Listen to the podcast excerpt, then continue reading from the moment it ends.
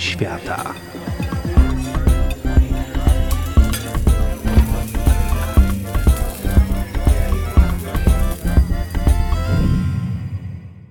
Dzień dobry. Tydzień temu mówiłam, że jeśli ktoś zechce zjeść koreańską zupę o trzeciej w nocy, to może to zrobić tylko w dwóch miastach w Londynie i w Nowym Jorku. To nie jest oczywiście prawda i mówiąc tak, krzywdzę wiele miast, na przykład koreańskich, ale w kulinarnym multikulti nie ma silniejszego gracza niż Wielkie Jabłko. Swoją drogą ta dziwna nazwa, Wielkie Jabłko, nie ma nic wspólnego z jedzeniem.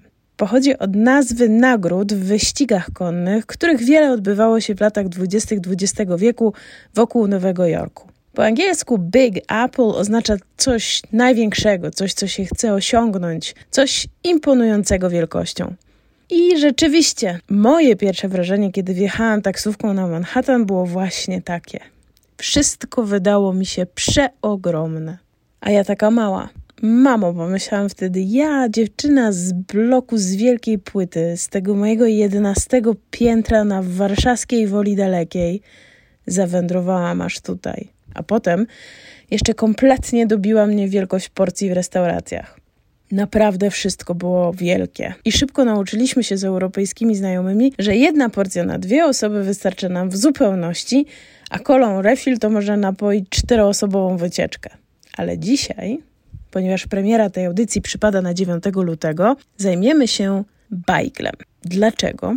Ponieważ 9 lutego odbywa się National Bagel Day, czyli Narodowy Dzień Bajgla w USA. Nie jest to niestety dzień wolny od pracy, ale tego dnia wiele piekarni i kawiarenek oferuje wyjątkowe oferty. Według niektórych źródeł jest to również dzień pizzy albo dzień bajgla z wędzonym łososiem. A niektórzy mówią, że dzień bajgla jest 15 stycznia, ale może te szczegóły nie są aż tak istotne. Bajgiel, który stał się jednym z kulinarnych symboli Nowego Jorku, to rodzaj drożdżowej bułki w kształcie oponki o zwartym miąższu i miękkiej skórce. Swoją konsystencję zawdzięcza dosyć skomplikowanej procedurze wyrastania ciasta oraz temu, że przed pieczeniem wkłada się go do wrzącej wody. Bajgle posypane są czasem makiem, sezamem albo płatkami suszonej cebuli. Wytwarza się też słodkie odmiany z dodatkiem rodzynek i cynamonu. Bajgiel został wymyślony w Europie Środkowej. Istnieje dokument z 1610 roku z Krakowa, w którym pojawiają się bajgle jako prezenty dawane kobietom z okazji narodzin dziecka. Około 1900 roku emigranci żydowscy przenieśli bajgle z Europy Środkowej i Wschodniej na Manhattan. I obecnie dwa miasta na świecie słyną z wyrobu bajgli i oczywiście ze sobą konkurują: Nowy Jork i Montreal. W Nowym Jorku bajgle są tak popularne, że wypadki przy ich krojeniu są jedną z głównych przyczyn przyjęć na ostry dyżur w niedzielne poranki. W pierwszej połowie ubiegłego wieku popyt na bajgle utrzymywał dziesiątki piekarni na całym Manhattanie i we wschodnich dzielnicach Nowego Jorku. A były to naprawdę nędzne miejsca pracy. Zlokalizowane w piwnicach, z paleniskami węglowymi, które przerabiano na piece. Temperatura w pomieszczeniach sięgała 48 stopni Celsjusza, a piekarze musieli rozbierać się do bielizny, nawet w środku zimy, oganiając się od karaluchów i szczurów. Nadgodziny w tych miejscach pracy i warunki były tak brutalne, że pod koniec lat 20. XX wieku piekarze bajgli, głównie emigranci z Europy Wschodniej, postanowili zaprotestować. W rezultacie powstała Union Local 338, czyli Związek Zawodowy Piekarzy Bajgli. I począwszy od lat 30., jeśli ktoś chciał prowadzić sklep z bajglami na Manhattanie, to nie miał innego wyjścia, jak tylko zatrudnić piekarza związkowego. Piekarze związkowi byli jedynymi ludźmi w mieście, którzy potrafili oficjalnie zrobić porządnego bajgla. W 1927 roku pochodzący z siedliszcza pod hełmem, piekarz Harry Lender, wyemigrował z Lublina i przybył do New Haven w Connecticut, gdzie założył pierwszą w Stanach Zjednoczonych fabrykę bajgli poza Nowym Jorkiem. Później jego firma jako pierwsza produkowała mrożone bajgle, a następnie wprowadziła je do supermarketów. Do 1950 roku piekarze wyrabiali bajgle ręcznie, Dopiero później zaczęto je produkować maszynowo i to umożliwiło szybką i dużo bardziej opłacalną produkcję. W dobrze prosperującej branży, która w połowie lat 60. XX wieku wpompowywała ponad 2 miliony bajgli tygodniowo na rynek, zarabiano około 20 milionów dolarów rocznie. Właściciele piekarni nie byli już biednymi, chowającymi się po piwnicach migrantami. Kupowali domy na Long Island, jeździli luksusowymi samochodami i wysyłali swoje dzieci do prestiżowych uczelni. Przez jakiś czas bajglami nawet zainteresowała się włoska mafia, która, jak być może wiadomo, wykorzystywała niejednokrotnie związki zawodowe do swoich niecnych celów. Ale Związek Zawodowy Bajglarzy bardzo sprytnie im się oparł. To osobna i naprawdę ciekawa historia, o której swego czasu rozpisywał się New York Times. Dzięki postępom w pakowaniu i dystrybucji w latach 60. bajgiel zyskał popularność, a do lat 80. stał się klasycznym daniem nowojorskim. Nowy Jork jest oczywiście miastem tyglem i wiele piekarni w tym mieście nie jest już dziś własnością osób pochodzenia żydowskiego.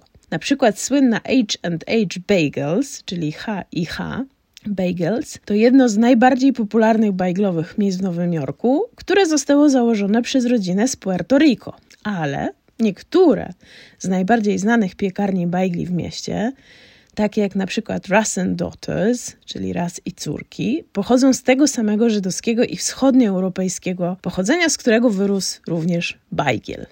W 1907 roku Joel Ras wyemigrował ze Sztetla w Strzyżowie, obecnie na terenie Polski. W Nowym Jorku zaczął sprzedawać śledzie z beczki tłumom wschodnioeuropejskich Żydów na Lower East Side.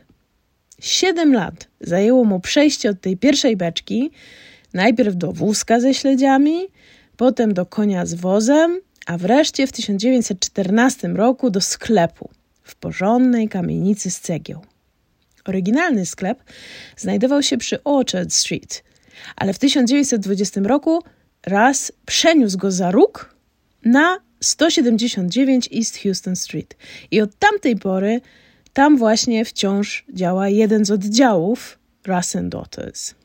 Nie mając synów, Joel Russ wymagał od swoich córek, Hattie, Edie i Ann, pracy w sklepie od małego. I w 1935 roku uczynił swoje córki pełnoprawnymi partnerkami w spółce i zmienił nazwę z Ras na raz i córki. To było bardzo odważne i dość kontrowersyjne posunięcie w tamtych czasach. Ras and Daughters było pierwszą firmą w Stanach Zjednoczonych Ameryki Północnej, która w nazwie zawarła zwrot i córki. Firma działa nieprzerwanie od ponad 100 lat, a obecnie prowadzi ją czwarte pokolenie. Nicky Russ Federman i Josh Russ. Historia Russ and Daughters, która wywodzi się od sprzedaży ryb, ma wielkie znaczenie, bo do bajgla wkładamy cieniutko pokrojonego wędzonego łososia, albo solę, albo makrele, albo śledzia. Do tego dodajemy cebulkę, kiszone ogórki, mogą być kapary, marynowane grzybki i różne formy twarożku. Jak tłumaczy Josh Rastapper, te potrawy pochodzą z tradycji Europy Wschodniej z żydowskiej, ale z innych kulinarnych tradycji regionu. Tamte społeczności używały procesu wędzenia i przyprawiania ryb, aby przechowywać je zimą. Ryb, ale też innych mięs. Dlatego nasze przekąski to porcja ryb przywiezionych do USA, do Nowego Jorku przez migrantów z Europy Wschodniej. Według rasów nawet krojenie ryby do bajgla ma znaczenie. Jak mówi Niki, kontynuujemy rzemiosło krojenia ryb na plasterki. Wydaje się, że to proste, ale to tylko pozory. Bardzo trudno to zrobić i potrzeba dużo czasu, aby się tego nauczyć. Krojenie wędzonej ryby wygląda tak prosto. To tak jak oglądanie kogoś, kto gra w golfa. Dopiero kiedy próbujesz to zrobić samodzielnie, zdajesz sobie sprawę ze wszystkich rzeczy, które musisz wziąć pod uwagę, żeby wykonać doskonałe uderzenie albo doskonały plasterek. W 2018 roku brukliński lokal Acme Smoked Fish próbował pobić rekord świata w największej kanapce z bajgla i wędzonego łososia. Z pomocą Zuckers Bagels przygotowali 97-kilogramową kanapkę. Na której znajdowało się około 20 kg wędzonego łososia z Nowej Szkocji, twarożku śmietankowego, pomidorów, kaparów i cebuli. Po stworzeniu, upieczeniu i sfilmowaniu ten piękny bajgiel został podzielony i rozdany mieszkańcom dzielnicy. I chociaż wydaje się prawdopodobne, że ta próba ustanowiła rekord największej kanapki z bajgla i łososia, jaką kiedykolwiek zrobiono, ponieważ nie ma żadnych dokumentów, które wskazywałyby na to, że ktoś wcześniej albo później próbował pobić ten rekord, z pewnością nie był to największy bajgiel, jaki kiedykolwiek powstał. Ten zaszczyt przypada bowiem firmie Bruegger's Bagels, która w 2004 roku na targi stanu Nowy Jork wyprodukowała bajgla ważącego prawie 400 kg. Dużo można usłyszeć o wyjątkowości nowojorskich bajgli. Szczególnie przebija się jeden mit. Znają go praktycznie wszyscy, którzy znają bajgla nowojorskiego. Otóż teoria głosi, że nowojorskie bajgle są tak dobre, o wiele lepsze niż gdziekolwiek indziej, ponieważ jest coś w wodzie, co sprawia, że są wyjątkowe. Niestety, ta miejska legenda jest dokładnie właśnie tym legendą. America's Test Kitchen przeprowadziła serię testów nowojorskiego bajgla, by sprawdzić zasadność teorii to jest w wodzie. I odkryła, że tak zwany ślepy test, czyli test, w którym podaje się osobom potrawy, nie mówiąc skąd one pochodzą albo jak się nazywają, wykazał, że osoby absolutnie nie widziały różnicy między bajglami zrobionymi z wody z Brooklynu i tymi z wodą z Massachusetts.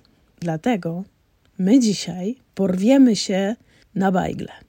Za chwilę podam składniki i przepis, ale spokojnie. Jak zwykle składniki będą też w opisie audycji. Teraz kluczowa podpowiedź, potwierdzona nawet y, bardzo naukowym artykułem The Smithsonian Institute. Co trzeba zrobić, żeby bajgle wyszły doskonałe? Po pierwsze, ciasto na bajgle nastawiamy dzień wcześniej i chowamy do lodówki na przynajmniej 12 godzin. Po drugie, zgodnie z tradycyjną metodą, przed pieczeniem bajgle przez chwilę gotujemy, ale nie w zwykłej wodzie, tylko w wodzie z dodatkami. Wszystko opowiem co i jak. Teraz składniki. Składniki na ciasto. 3,5 szklanki mąki pszennej, jedna szklanka i dwie łyżki ciepłej wody, jedna łyżka miodu, jedna łyżeczka drożdży instant, i półtorej łyżeczki soli. Coś do posypania. Tradycyjnie będzie to mak albo sezam, albo wymieszany mak z sezamem. Może być też gruba morska sól. Może być czarny sezam, i to będą bardziej bajgle wtedy w stylu montrealskim. Można ich spróbować w Black Seed Bagels, na przykład w Rockefeller Center w Nowym Jorku. Mogą być pestki słonecznika, dyni albo suszona cebulka. Do przygotowania wody do obgotowania bajgli potrzebujemy oczywiście 600 ml wody, ale oprócz tego dwie łyżki miodu i dwie łyżki sody oczyszczonej oraz dwie łyżeczki soli. No to najpierw ciasto. Wsypujemy mąkę do miski, osobno mieszamy wodę z miodem, drożdżami i solą. Chwilkę dajemy im się tam sobą nacieszyć i wlewamy do miski z mąką. Mieszamy, a potem zagniatamy ciasto przez około 3 minuty, aż będzie jednolite i gładkie. Ciasto przykrywamy ściereczką i odstawiamy w przyjemne, ciepłe miejsce bez przeciągów na jakieś 5-7 minut, żeby ciasto odpoczęło. Po tym czasie, koniec odpoczynku, znowu zagniatamy i wyrabiamy ciasto przez około 3 minuty rękami na blacie. Wkładamy z powrotem do miski tym razem przykrywamy szczelnie i odstawiamy na godzinę do wyrośnięcia w temperaturze pokojowej. Po tym czasie znowu trzeba ciasto chwilę powygniatać, powyrabiać, uformować kulę, znowu do miski, szczelnie zamykamy i zostawiamy w lodówce na całą noc, przynajmniej 12 godzin. Następnego dnia wyjmujemy ciasto z lodówki, chwilę wyrabiamy, żeby zrobiło się takie sprężyste i dzielimy na 8 kawałków. Z każdego kawałka robimy kulkę, w środku każdej kulki robimy dziurkę i formujemy w dłoniach takie oponki. Rozciągając delikatnie, dziurka w środku powinna mieć przynajmniej 2-3 cm, czyli wcale nie taka mała. No i znowu odkładamy na około półtorej godziny do wyrośnięcia. W tym czasie w głębokim garnku gotujemy wodę, zmniejszamy ogień, do wody dodajemy miód, sodę i sól i mieszamy, aż wszystko się rozpuści. Kiedy tak przygotowany roztwór już wrze sobie w garnku, bierzemy nasze pięknie wyrośnięte bajgle, wkładamy do wrzątku i krótko, około minutę z każdej strony gotujemy. Te obgotowane bajgle odkładamy na blachę do pieczenia wyłożoną papierem i od razu sypiemy wybraną posypką. Chyba, że chcemy posypać suszoną cebulką, to nie sypiemy jeszcze, bo cebulką posypujemy dopiero w drugiej połowie czasu pieczenia, ponieważ cebulka nam się spali. Piekarnik wcześniej włączyliśmy i nagrzeliśmy do 200 stopni. Wkładamy nasze bajgle i pieczemy przez około 20 minut. Jak zwykle, każdy piekarnik ma swoje humory, swoje zwyczaje, więc dokładny czas jest trudny do określenia. Generalnie mają mieć apetyczny, złoty kolor. No i co teraz? Włączamy radio Pili Pili, kroimy je na pół i jemy z serkiem Philadelphia, sałatą i wędzonym łososiem. Można dodać koperek, cytrynę, świeży albo kiszony ogórek, można dodać kapary. Same i sami będziecie wiedzieli, co tam powkładać.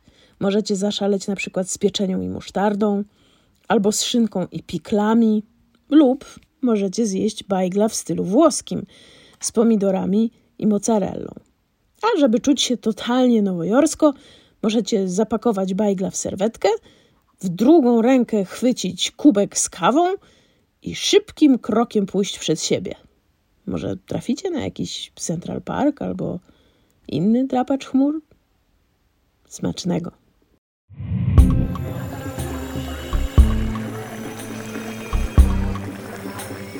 Kuchnie świata.